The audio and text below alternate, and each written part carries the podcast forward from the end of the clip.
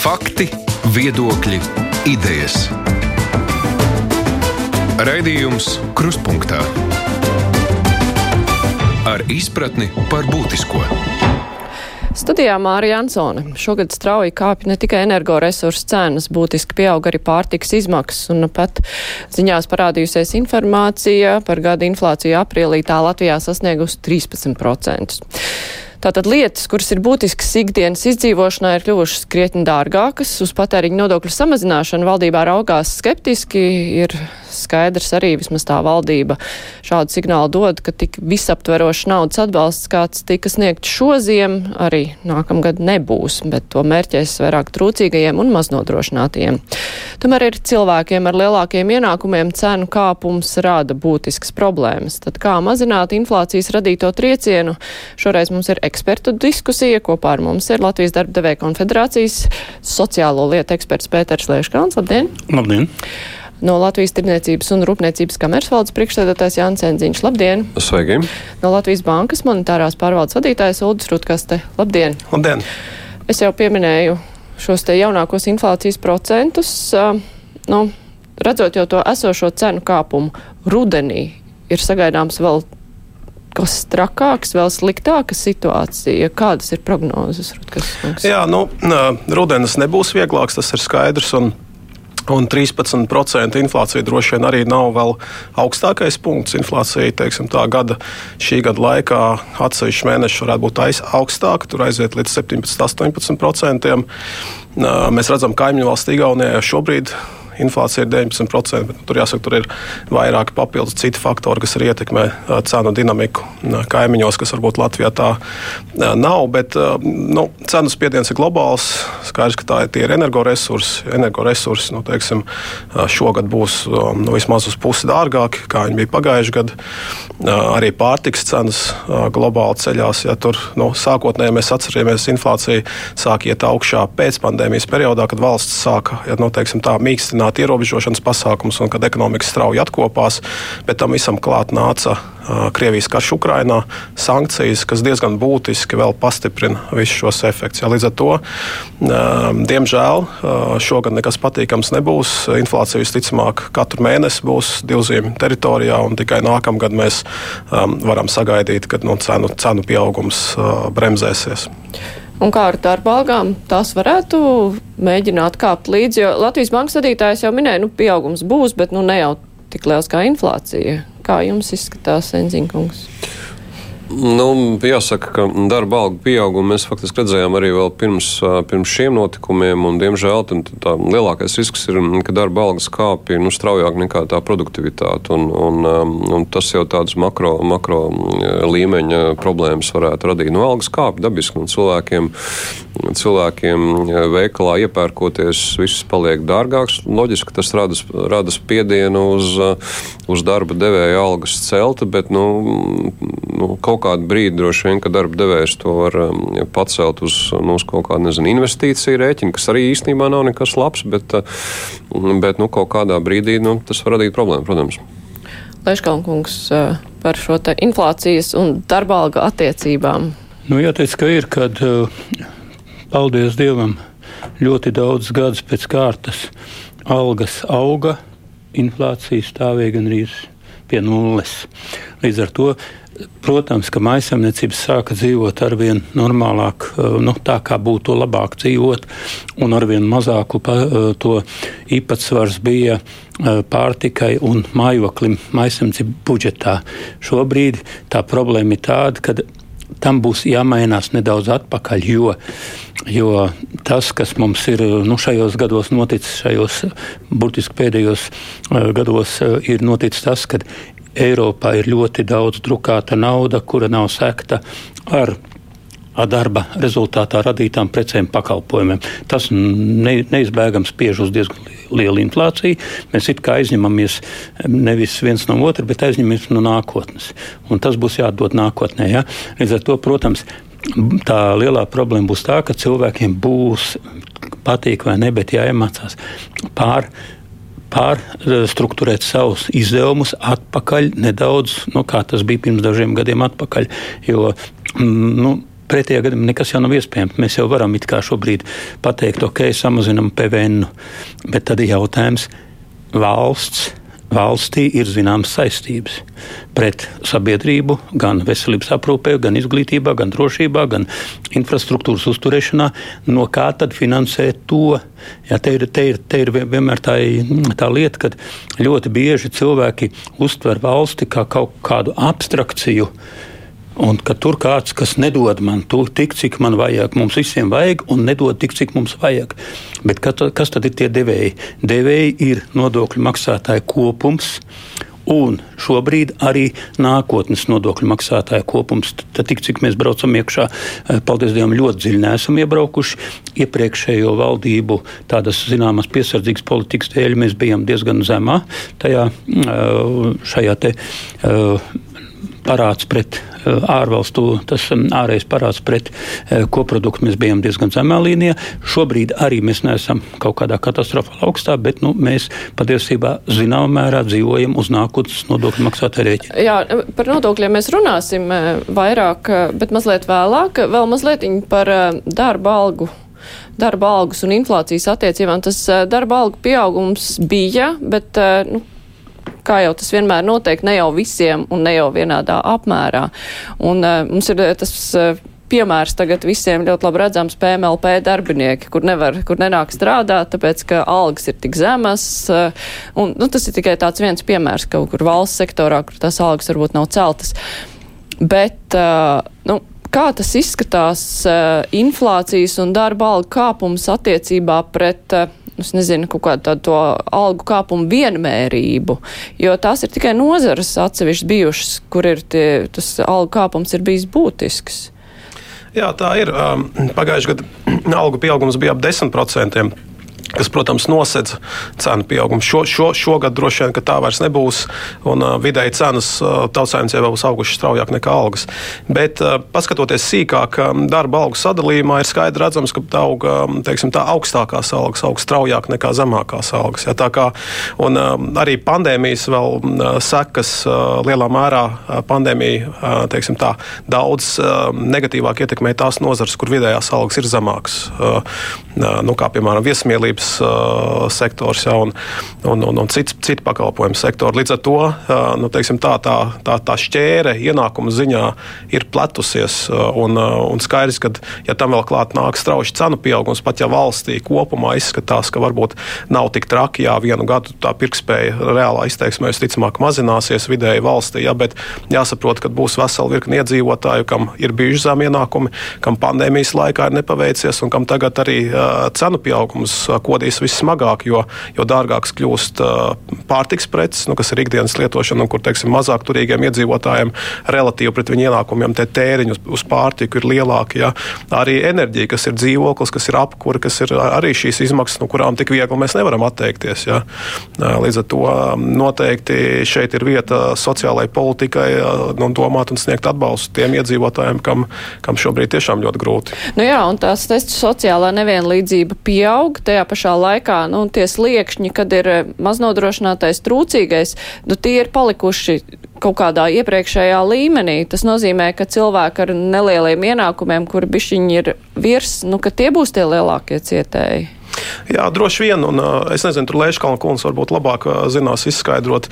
Es neesmu teiksim, tik iedzinājies kat, katrā individuālā pabalstā. Daži pabalsti mums ir, kas ir veidoti pēc tā saucamās trepes principa, ka te, teiksim, no tev ienākumiem pārsniedzot kaut kādu līmeni, tev, tev teiksim, tas pabalsts neizbeidzās pilnībā, viņš vienkārši mazinās ja, un pakāpeniski izzūd.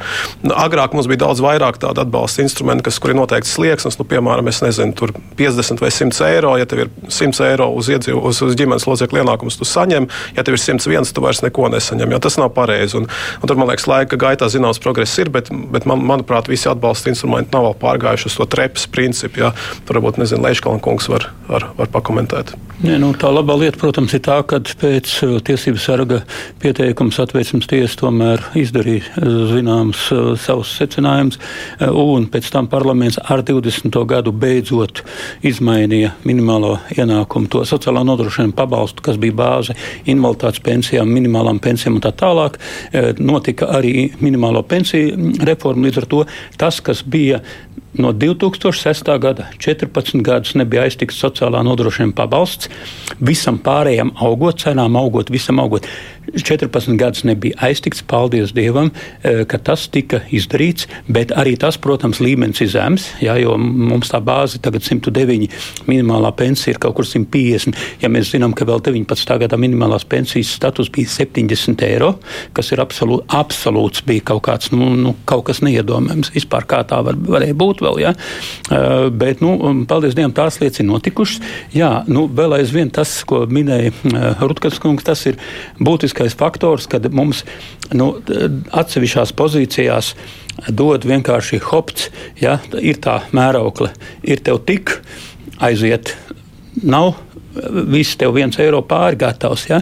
Ka šeit, manuprāt, ir tas būtiskais arī, um, arī tas, ko uz rudeni plāno. Uz rudeni tagad plāno tā, ok, augusta mēnesī mēs iedosim to indeksāciju. Tas ir nu, ar septembri iedosim indeksāciju.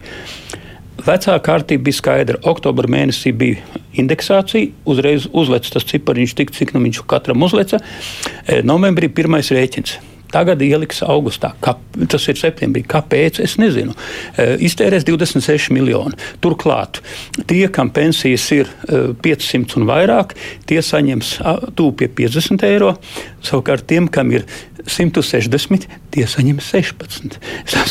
nu, saprotiet, ja? ja mēs veidojam sociālo politiku, mēs viņu veidojam, redziet, tikmēr, kamēr mēs runājam vispār par pensiju indeksāciju, tikmēr tas ir pareizi. Cik nu tu tur sapelnīji, ok, tāpat tās jau ir tie griezti, kurus vispār indeksē, ja? vairāk neindeksē. Tātad tomēr zināma saspiešanās notiek, bet tā, tā problēma ir tādā.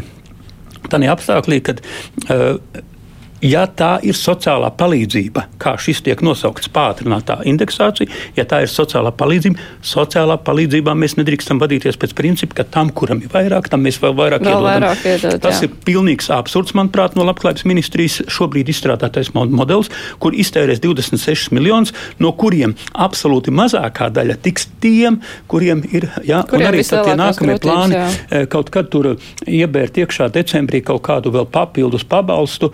Tad tad līdz tai robežai mēs dosim, līdz tai nedosim. Ja, piemēram, noteiks robežu 300, tad 299 tas dabūs, 301 nedabūs. Šajā, eh, šajos gadījumos tā labākā metode ir piebērt līdz līmenim. Mm -hmm. Tas ir pasakām, ka nedrīkst būt minimālā pensija, piemēram, nedrīkst būt nevis viņa standartā ir 160, bet mēs pasakām, ka viņa nedrīkst būt mazāk par 200. Tad dabūn visi, nu, visi pievelkās, tie trūcīgākā daļa dabūn. Ja? Mums neskatās kādēļ būvē, eh, nu, saku, tas sociālai palīdzībai. Ja mēs runājam par sociālo palīdzību, tad nedrīkst būt tā, ka tam, kam ir vairāk, iedod vairāk. Jā, bet nu labi, tad uh, iziesim pēc kārtas uh, par dažādiem nu, ierosinājumiem, kas ir skanējuši, nu kā tad mīkstināt to triecienu. Es jau pieminēju nodokļus. Patēriņa nodokļus valdībā mm, negrib šos patēriņa nodokļus mazināt. Tomēr nu, ir tāds viedoklis, ka ja tagad nu, inflācija kāpja, valdība iedod kaut kādu naudu kaut kādām iedzīvotāju grupām, ielaiž vairāk naudas ekonomikā, tas vēl vairāk palielina inflāciju. Tad pie kura varianta jūs sliecaties? Nu, kurš jums šķiet, Enziņkungs, labāks? Tad turēt nodokļus, kādi ir, valsts budžetā nāk nauda, palīdzam, kam varam, vai arī mazināt nodokļus un tādējādi bremzējot inflāciju? Kurš ir, kā jūs prāt, izdevīgāks nu, tur variants? Jāsaprot, mm, par kuriem nodokļiem mēs runājam. Nu, par jā, eh, PVN, un, un, piemēram, jā. visai pārtikai, tas ir viens variants. Eh, ja mēs runājam par PVN visai pārtikai, tad um, mēs no savas puses uh, īstenībā tur ir interesanti. Jā, Reira kungs, finanšu ministrs, bija nokomentējis, ka tāpēc uzņēmēji viņu un LTRK slikti vērtē Reira kungu, jo LTRK visu laiku iestājās par PVN samazināšanu. Jā, Tas neatbilst patiesībai. Ja? Tad, tad LTRK nav atbalstījis PVN samazināšanu. Un eh, mēs uzskatām, ka tas ir ļoti, eh, ļoti īstermiņa īstenībā eh, risinājums. Un, nu, to, jā, vienu brīdi varētu teikt, ka tas varētu sabremzēt nu, šo te, pārtiks īpaši cenu pieaugumu veikalos, bet nu, um, nu, viss Jā, vairāk tur nekā nebūs. Cita lieta, ka ar nodokļiem, ar nodokļiem gudrāk, mūsuprāt, būtu, būtu darīt visu, lai nu, tie uzņēmumi saglabātu savu, savu konkurētspēju, un mēs ilgstoši esam norādījuši uz, piemēram, uz darbspēku nodokļu nekonkurētspēju salīdzinoši ar Baltijas valstu kaimiņiem. Ja? Mm. Un Latvijas banka, liekas, pāris gadu atpakaļ bija arī sarēķinājusi, ka faktiski, lai mēs noķertu šo konkurētspēju, šim samazinājumam VSAI vajadzētu būt 4% punktiem, ja man atmiņa neviļ. Un, nu, tie, tie ir tie virzieni, jo, jo, redziet, PVN samazināšana viņa īstermiņā iedos nu, kaut kādu nu, mazliet atelpu gan, gan tiem ražotājiem, nu, kas, kas iekšējā tirgū strādā, nu, lai cenas pārāk neskrien uz augšu, bet ilgtermiņā jau tas neko nerisina. Ilgtermiņa risinājumi ir konkurētspējīgi darbspēku nodokļi.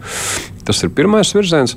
Otrs virziens, ja mēs runājam par nodokļiem, faktiski te ir vēl virkni tādi, nu, es teiktu, gudrāki, varbūt smalkāki risinājumi, kā arī vienlaicīgi palīdzēt cilvēkiem. Par, par ko es runāju? Uh, par piemēru, likums, likums nosaka, ka nu, standarta gadījumā, ja darba devējs nodrošina darbiniekam mobilitātes nu, tad, tad pakalpojums, vai ēdināšanas pakalpojums, vai, vai izglītības nu, kāpina, cel, celšanas kā, kādas iespējas, tad tas viss standartā apliekās ar darbspēku nodokļiem. Ko tas nozīmē? Tas nozīmē, ka nu, darba devējam, mēs tā ļoti vienkāršiem vārdiem sakot, nu, tā kotleta maksā ne tikai kotleti, bet maksā arī nu, kotleti mazliet apliekās ar darbspēku nodokļiem. Jā, tur izņēmumi ir, um, Pēters precīzāk pateiks, uh, tiem, kam ir koplīgumi, laikam noslēgti, jā. Jā, bet nu, tā, uz, uz visu masu tas šobrīd nestrādā. Un te arī, nu, faktiski, bū, um, nu, ja šāds risinājums būtu, ja šāds risinājums būtu, darba devēji, nu, redzot šo situāciju arī ar darbiniekiem, es domāju, vairāk arī, piemēram, pēc um, palīdzētu, palīdzētu ar, ar darbinieku ēdināšanu, ja tas nebūtu tik traki dārgi, nu, tad, tad uh, visiem, visiem lab, labums. Ja? Nu, šāda, šāda tipa risinājuma, es domāju, ir, ir tāda mazliet smalkāk jā, jāmeklē, jāvirza. Arī ilgstoši jau diskutētais, piemēram, pēc par um, par jauniem vecākiem, tad šis bērnu pabalsts arī, ja viņš, ja viņš ļoti samazinās tiem cilvēkiem, kuri turpina strādāt, nu, līdz teiksim, ļoti, ļoti, ļoti lielai summai, tad dabiski, ka viena daļa cilvēku, nu, vairāk paliek mājās un, un, un, un audzina, audzina mazos bērnus. Ja?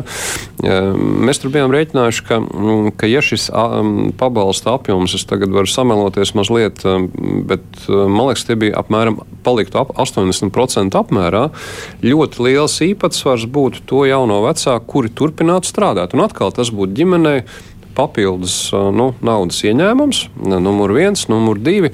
Šie cilvēki nevis sēdētu uz sociālā budžeta kakla, ja tā var teikt, bet turpinātu strādāt, tad, tad radīt kaut kādu pievienoto vērtību. Tā kā man liekas, ka tie, tie būtu nu, vairāk tādi risinājumi, kas šodienai būtu, būtu piemēroti. Nu jā, un par tiem jauniem vecākiem tur ir daudz blakus lietas, no kā ir atkarīgs, eh, kā to visu var praktiski norganizēt. Bet eh, atgriežoties, ko jūs minējāt par darbspēku nodokļu konkurētspēju, tā doma ir tāda, ka darba devēja pusē samazināt šo nodokļu daļu vai darba ņēmēja pusē kur, eh, nu, lai cilvēkam ir vairāk naudas, tā teikt, ar kuru sekt pieaugušās izmaksas.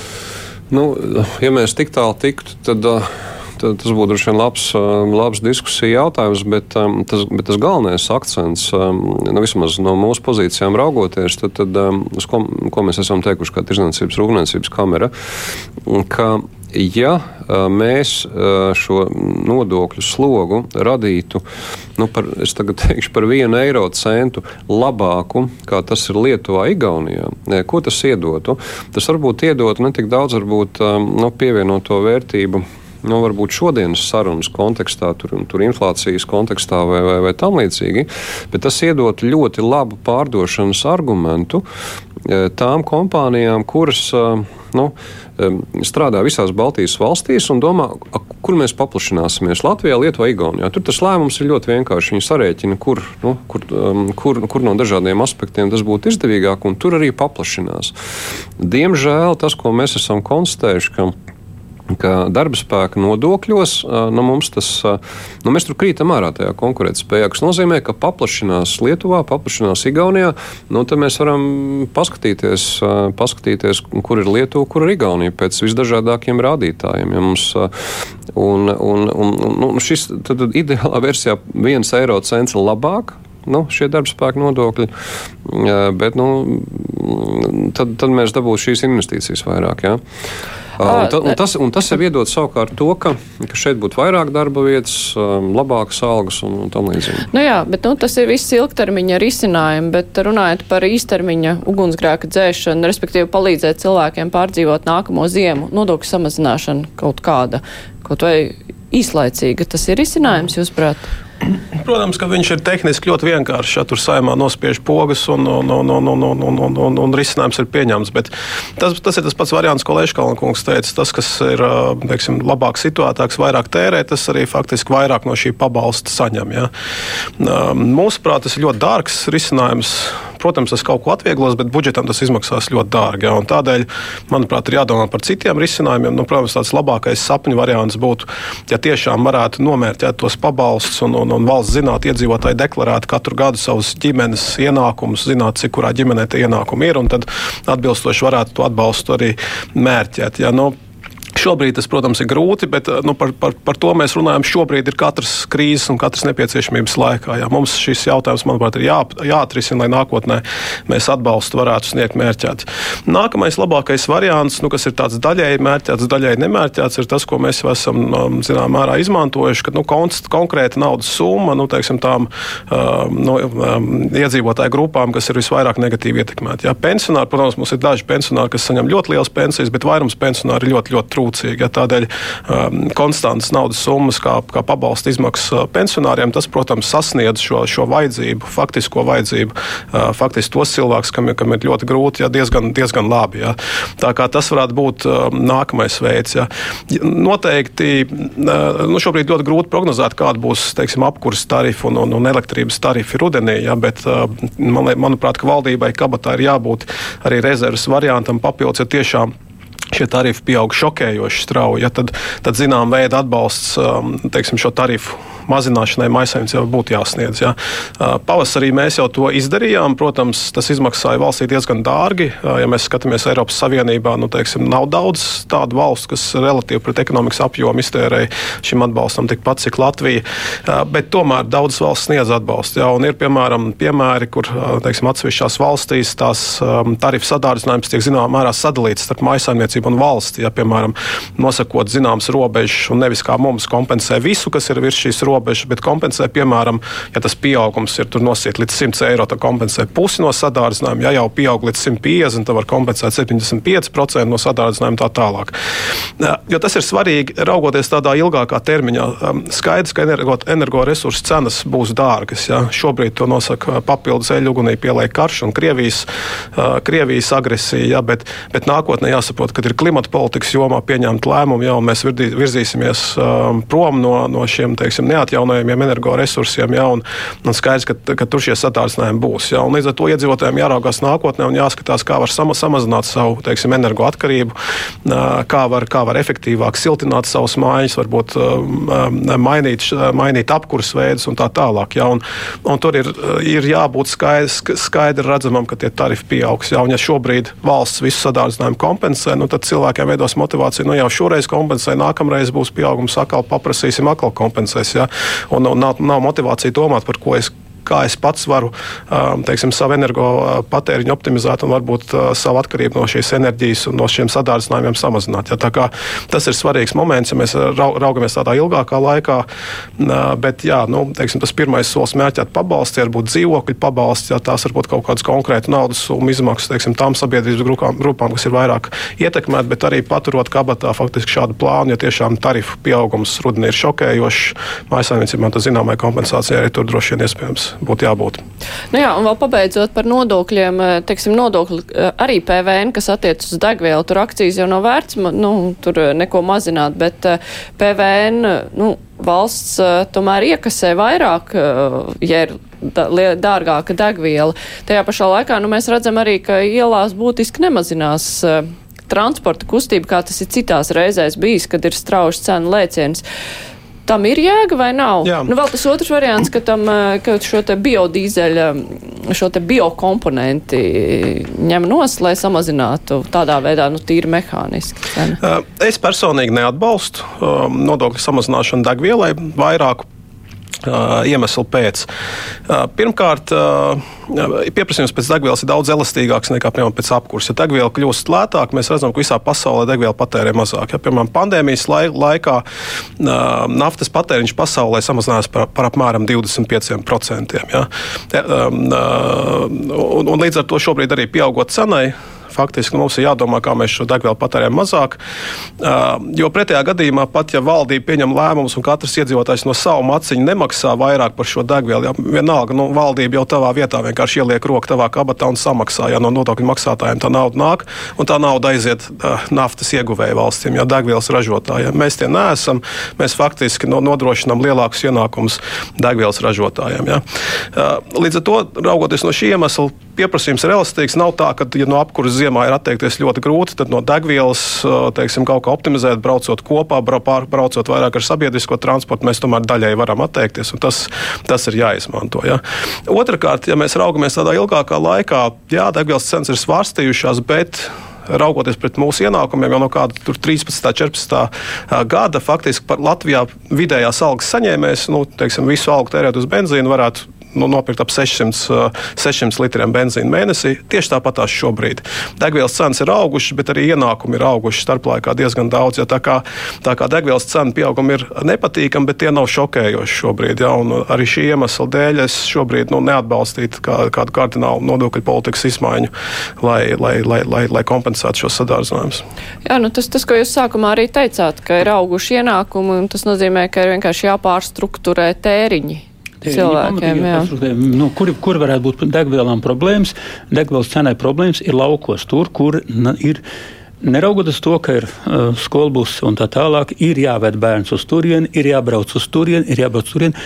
Tur tā ir problēma. Laukos degviela ir problēma, bet to nevar atrisināt izņemot eh, šeit ar, ar nodokļiem. Tad tur ir jābūt mērķētajam, ka tur un tur eh, tas ir gandrīz vai caur pašvaldībām kaut kādā veidā. Bet, jo, protams, tur tā ir problēma.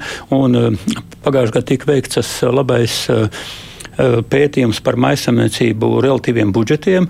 Un, jā, un, piemēram, skolas bērns laukos izmaksā dārgāk nekā pilsētā. Kādēļ tieši šīs komponentes dēļ, ka tur ir degvielas dārdzība. No tā skatu punkta būtu labi, bet citādāk tur nav tiešām eh, jāpiekrīt Rutkas kungam, ka tur nav ko jaukties iekšā. Eh, tas jautājums par to dīzeļa, nu, to, par to bio komponentu, manuprāt, to nu varēja šogad, bez tās varēja iztikt gadu vai divus vēl droši. Bet, nu, ir pieņemt lēmumu. Kas attiecās uz PVN, ja mēs visu laiku runājam par to PVN, tad tas jautājums ir tāds. Ja maisaimniecībā uz maisaimniecības locekli tērē 100 eiro, vai 200 eiro, vai 300 eiro, vai 500. Tad kura no maisaimniecībām iegūs no PVN samazinājuma visvairāk? Protams, tā, kas tērē vairāk, vai tas ir sociāli, mm, sociāli atbalsta pasākums, nu nav. Tas nekādā veidā nav. Ir mērķētie pabalsti. Protams, mēs visu laiku runājam par pensionāriem. Jāteic, ka ir, ka pensijas tomēr šā vai tā, bet katru gadu ir tikušas indeksētas gan pēc, eh, daļēji pēc eh, inflācijas, un 50% eh, tur gan tagad ir bijusi sarežģītāka pakāpe, bet no 50 līdz 80% tur ir bijusi iekšā algu pieauguma komponente. Ja? Tātad šī šīs lietas iet līdzi. Eh, tas, tas tā kā mazliet sēdz, protams, un šogad varētu būt, ka pirmo reizi būs tā, ka tā indeksācija pensijās, indeksācija notiks vairāk pēc eh, lielāka daļa būs eh, šis inflācijas koeficients nekā algu pieauguma koeficients. Bet tā ir tāda nianses. Ja? Kas ir, jā, un kur ir nodokļu jautājums? Mēs paskatāmies, ka, lai izmaksātu 1000 eiro uz rokas Latvijas republikā, darba devējiem ir jādod uh, aptuveni pa 120 eiro vairāk nekā, nekā pie kaimiņiem. Ja, tas ir, saprotiet, un te ir tas, ko Enziņkungs minēja. Kur, izvēle, kur veidot ražotni, kur paplašināties, kur sašaurināties, uz kurien pārvietot ražošanu. Un, un, Latvijas priekšrocība ir tā, ka mums ir labākā nodokļu sistēma pie ļoti zemām algām, vai nu viņas ir uh, oficiāli tikai tādas vai kā citādi vēl. Mums ir Lētā darba spēka ekonomika ir izdevīga Latvijā, normāla alga ekonomika, tur, kur cilvēks un maisiņš varētu normāli dzīvot, tā pie mums ir dārga. Un tā ir problēma. Ja mēs paskatāmies uz Enziņa kungs minēja arī to vecāku pabalstu sistēmu, tā problēma ir ne tikai vienkārši. Tā problēma ir vēl tādā apstākļā, ka ja abi vecāki uz pusi samazina savu darba slodzi un abi vienlaikus tā teikt, nu, viens uz, maiņām, vienkārši lai saglabātu karjeru, lai saglabātu saikni darba vietu. Abi turpina uz puslodzi strādāt un abi aprūpē bērnu, tad šai maisemcībai tiek noņemts 70% no eh, šī te vecāka pabalsta, kas ir, manuprāt, absolūti absurdi. Eh, ja mēs skatāmies vēl, Rutkas kungs minēja sociālās grupas, tad bez tām sociālām grupām vēl ir mums ir viena vecāka ģimenes, kurām noteikti vajadzētu būt universāli mērķētām eh, piemaksai. Es domāju, ka tā varētu būt piemaksa pie ģimenes valsts pabalsta. Tas nav vispār tās, nav tās eh, ko mēs parasti iedomājamies. Viena vecāka ģimene vienkārši teica, dzīvo citur, māma citur ar bērniem, jā, un tā tālāk. Nē, ir mums eh, ģimenes, jo šajos gadījumos, ja gadījumā tēvs nenodrošina šo, šo ienākumu, tad caur uzsuru līdzekļu garantiju fondu tas tiek nodrošināts. Bet ir ģimenes, kurās bērniem nav noteikti patentāti, un tās ir aptuveni 3%. Tā tad sākotnēji ir bijis vairāk, pēc tam adoptē un tā tālāk. E, bet, nu, principā, jā, un tur būtu. Un, un otra pozīcija, kas ir ļoti būtiska, e, ģimenes, kur viens no apgādniekiem ir persona ar invaliditāti. Tā ir totāla nabadzība iekšā, it īpaši, ja viņš ir nestrādājis, tā ir totāla nabadzība, un tur arī noteikti ir nepieciešams universālais, precīzi, jā, nu, precīzi mērķētais atbalsts, tas, kas iet, ka šiem te arī nāk piemaks pie ģimenes valsts pabalsta, vai tie 50 eiro vai cik, bet tās ir divas grupas, kuras vispār vienmēr tiek aizmirstas, tāpēc, ka viņas no vēlēšana skatu punkta ir absolūti, absolūti neinteresants. Bet, ja mēs skatāmies uz sociālo politiku, tad sociālajai politikai nav jābūt orientētai uz vēlēšanu skatu punktu, bet uz mazāk aizsargātajiem Un visvairāk tieši tiem, kas nav politiķiem interesanti. Un tā ir tā Latvijas problēma, ka top šo te, uh, mazo uh, nu, maisaimniecību, kurām ir tiešām nopietnas problēmas, parasti uh, viņu problēmas netiek risināts, tāpēc ka viņas nav interesantas politika. Jā, nu, par mērķēto atbalstu mēs arī vēl runāsim. Man ir jāatgādina klausītājiem un vēlāk Latvijas televīzijas skatītājiem, ka šodien kopā ar mums no darba devēja konfederācijas ir Pēters Lēškāns, no Tirzniecības un Rūpniecības kameras Jānis Enziņš un no Latvijas bankas Uts Rutkast. Mēs tūlīt turpināsim. Raidījums Krustpunktā. Viens ierosinājums, kā mīkstināt arī šo sociālo spriedzi, minimālās algas celšana. Uh, 50% no vidējās algas iepriekšējā gadā. Jūsu skatījums? Jā, nu, ne, nu, par minimālās algas celšanu, godīgi sakot, mēs visu laiku esam bijuši diezgan skeptiski. Mūsuprāt, nu, nu, lai jebkuru algu samaksātu, tam ir jābūt nu, ekonomiski pamatotam lēmumam.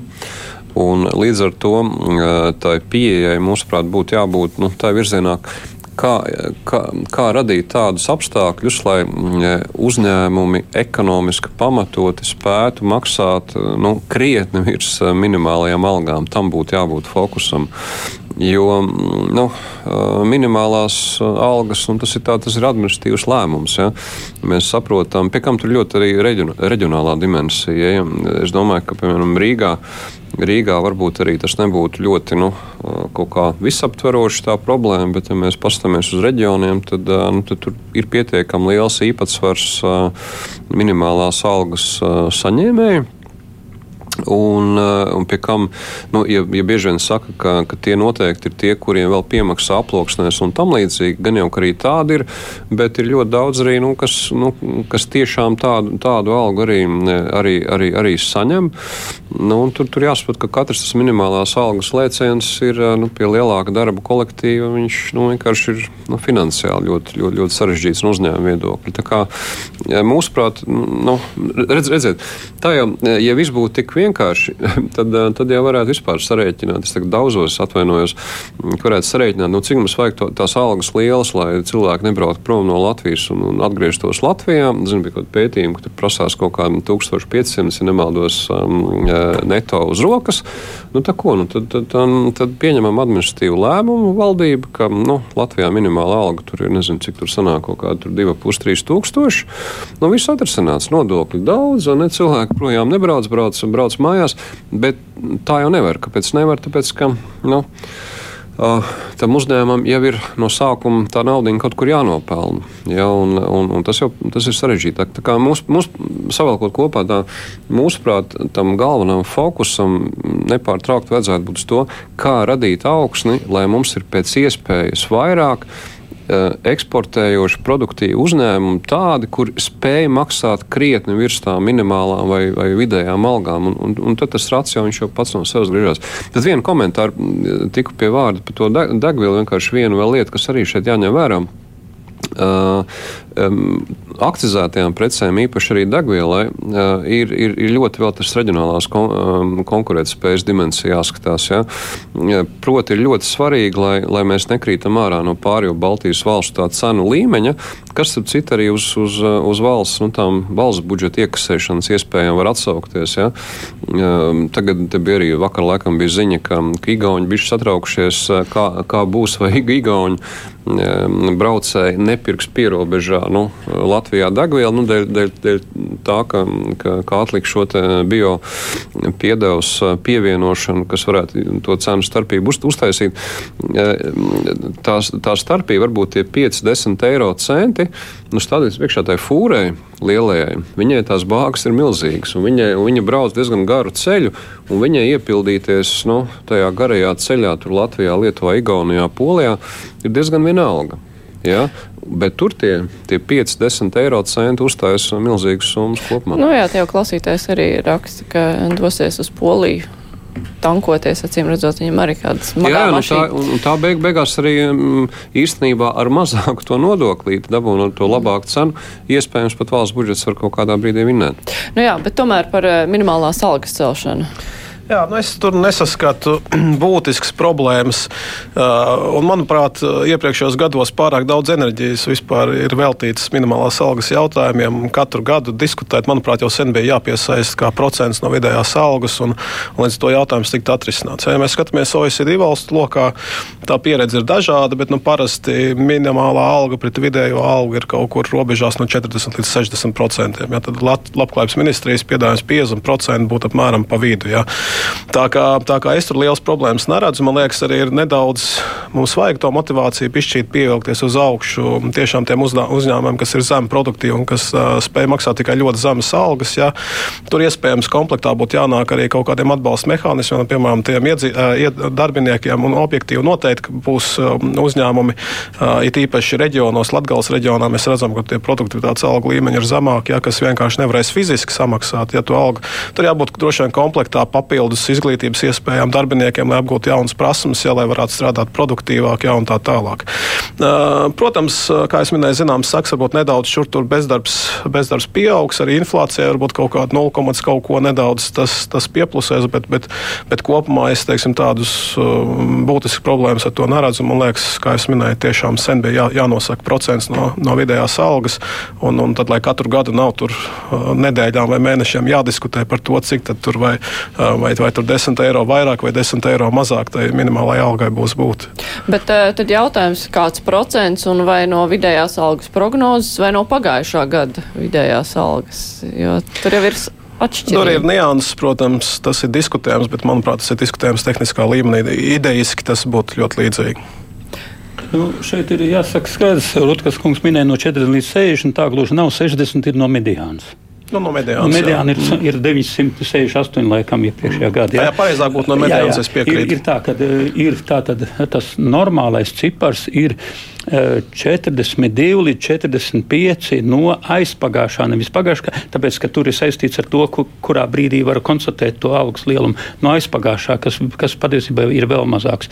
Šobrīd Latvijai, protams, ir nokrities tas, tas cipars jau iet kaut kur uz 39, ja? kas ir zemi.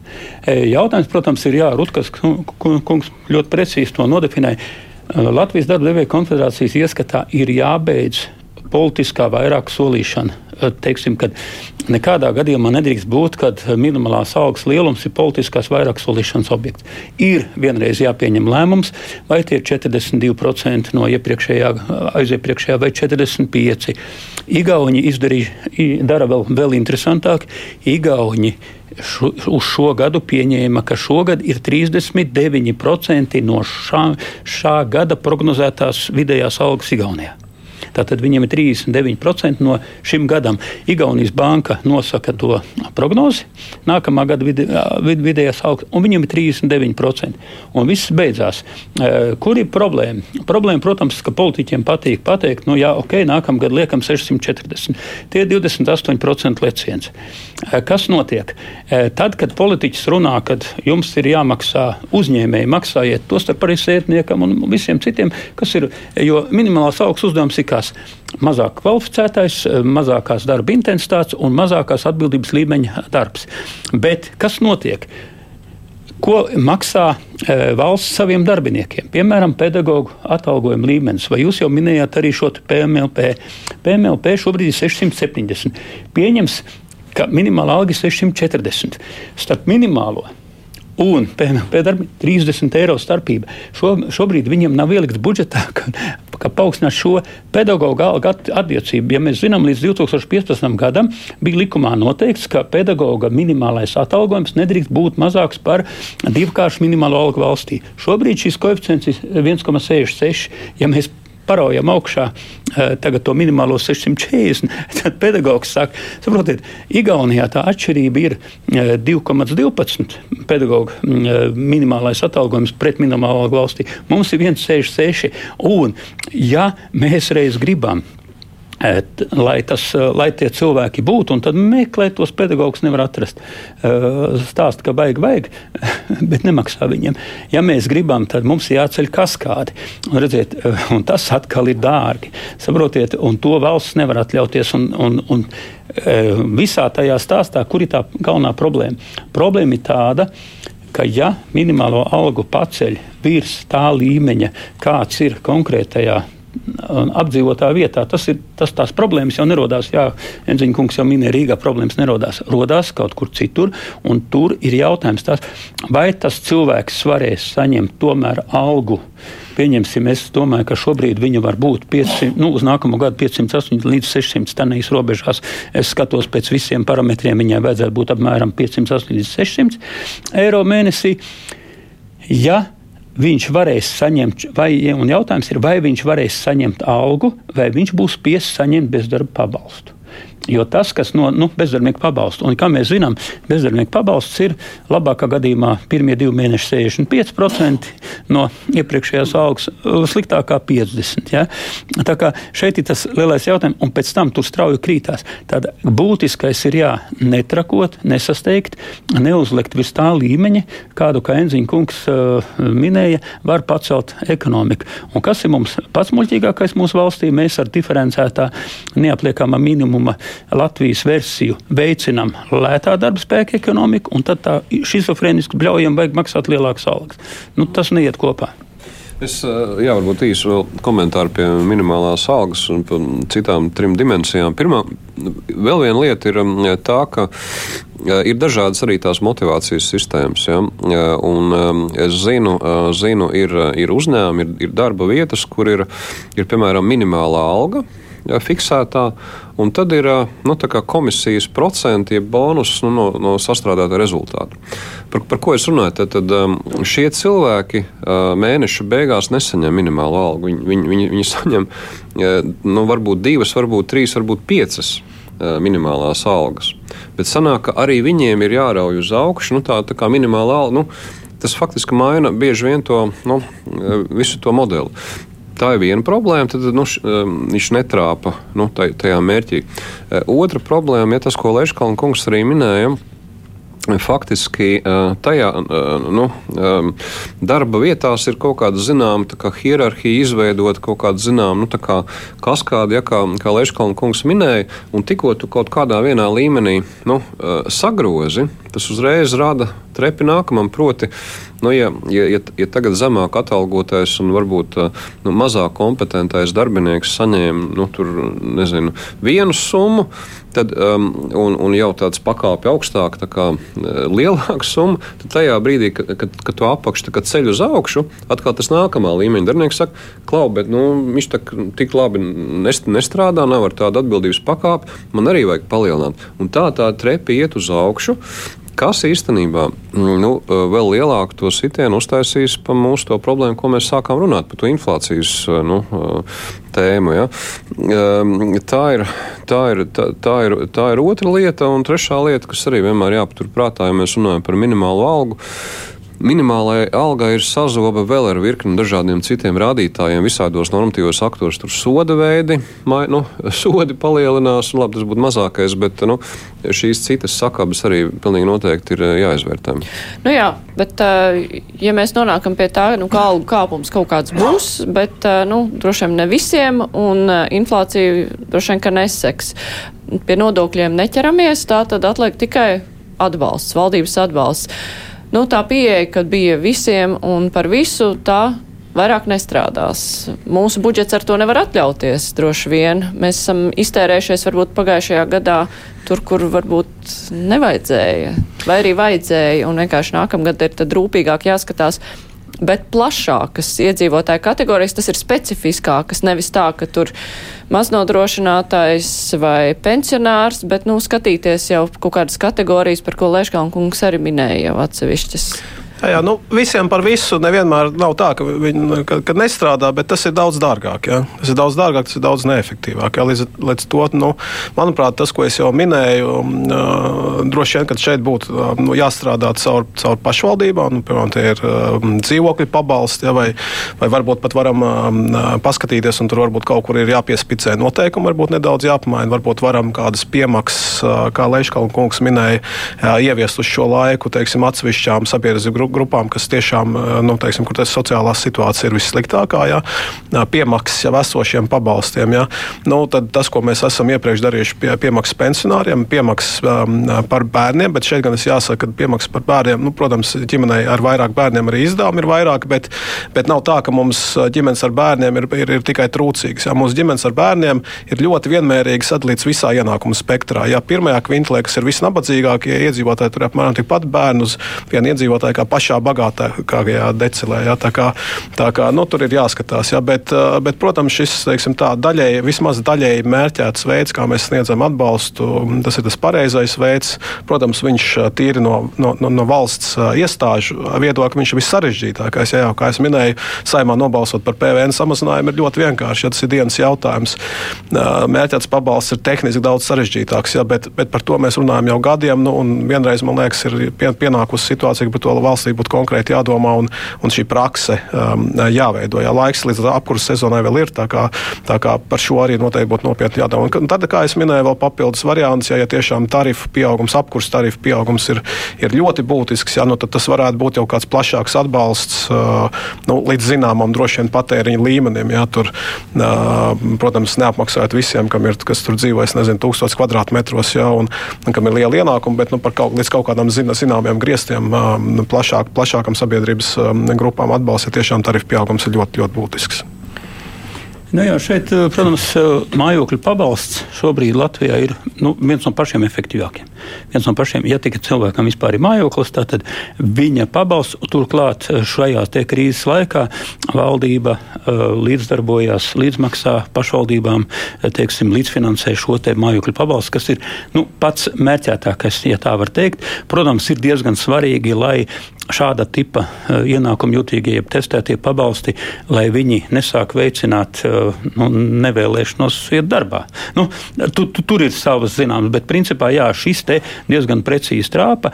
Savukārt, ja mēs skatāmies uz ģimenēm un bērniem, tad jāteic, ka ir ka tas, ka Latvijā ģimenes ar bērniem ir relatīvi labi nodrošināts, ir mazliet mīts, jo kādēļ? Tādēļ, ka tās statistika šobrīd tiek veidota pēc tā saucamās OECD modificētās skalas, kur bērna vērtība ekvivalences skalā pret pirmo maisiņcības locekli ir 0,3. Tas nozīmē, ka uh, trīs bērni trīs bērniem būtu jāiztiek ar tik, cik iztiek viens pieaugušais. Tā nav. Un par to uh, precīzi liecina šis te, um, pagājušā gadā tas uh, labklājības ministrijas pasūtījums, pēc labklājības ministrijas pasūtījuma uh, veiktais pētījums par tā saucamā, uh, kā viņš references maisaimniecības budžets. Nu jā, bet runa jau ir par to, ka ir arī ļoti nodrošināts maisaimniecības nu, ar bērniem, kurām varbūt nevajadzētu sniegt atbalstu tikai tāpēc, ka ir bērni. Nē, nu redziet, kā ir. Uh, jā.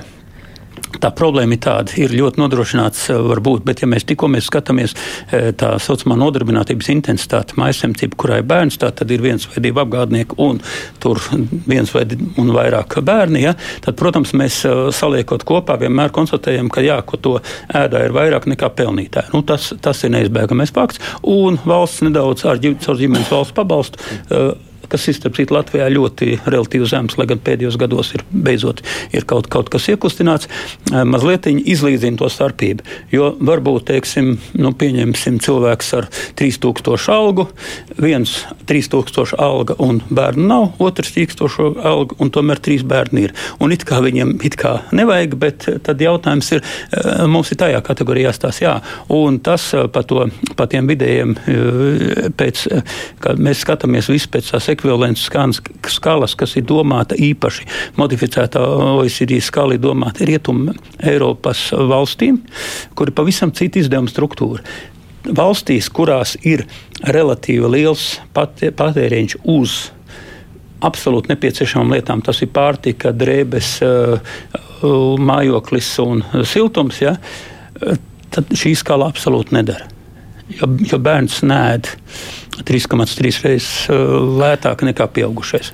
Nu jā, bet nu, katrā ziņā tas uh, īsais rezumējums tad ir valdībai būs jādomā par atbalstu, mērķētu atbalstu. Jautājums ir, vai iedzīvotāju grupām vai par kaut ko, ja mēs vēl nezinām tieši kādi būs šie apkurs tarifi, un tie arī katrā Latvijas vietā būs citādāki. Bet, uh, nu, katrā ziņā tad, nu, teiksim tā, jo mērķētāk, jo sarežģītāk to ir Nu, tā diemžēl ir. Jā, nu, teiksim, ja mēs gribam kaut ko darīt gudrāk, nu, tad mums ir arī pašiem jābūt gudrākiem jā, un jābūt spējīgākiem izdarīt lietas. Un, un, man nepatīk tā situācija, ka mēs gadu no gada atduramies pret vienu to pašu. Jā, labāk ir mērķētāk, bet, nu, diemžēl, mēs šobrīd to nevaram, jo mums nav tas, tas un tas nav izveidots atbilstošas sistēmas. Jā. Bet tu, pie tā mēs nonākam katru krīzi, jā, katru reizi, kad šis atbalsts būtu jāsniedz. Līdz ar to nu, mums ir kaut kā tomēr pakāpeniski jāvirzās uz priekšu, un šis mērķētīgums ir jā jāpalielina. Nu, redzēs, vai šoreiz tas izdosies, un vai vēlēšana tuvums eh, nāks pa labu vai nāks pa sliktu šim procesam. Es saku paldies. Eh, šodien kopā ar mums no Latvijas bankas Uldis Rūtkastē, no Tirdzniecības un Rūpniecības kameras Jānis Enziņš, no Latvijas darbdevēja konfederācijas Pēters Leškants.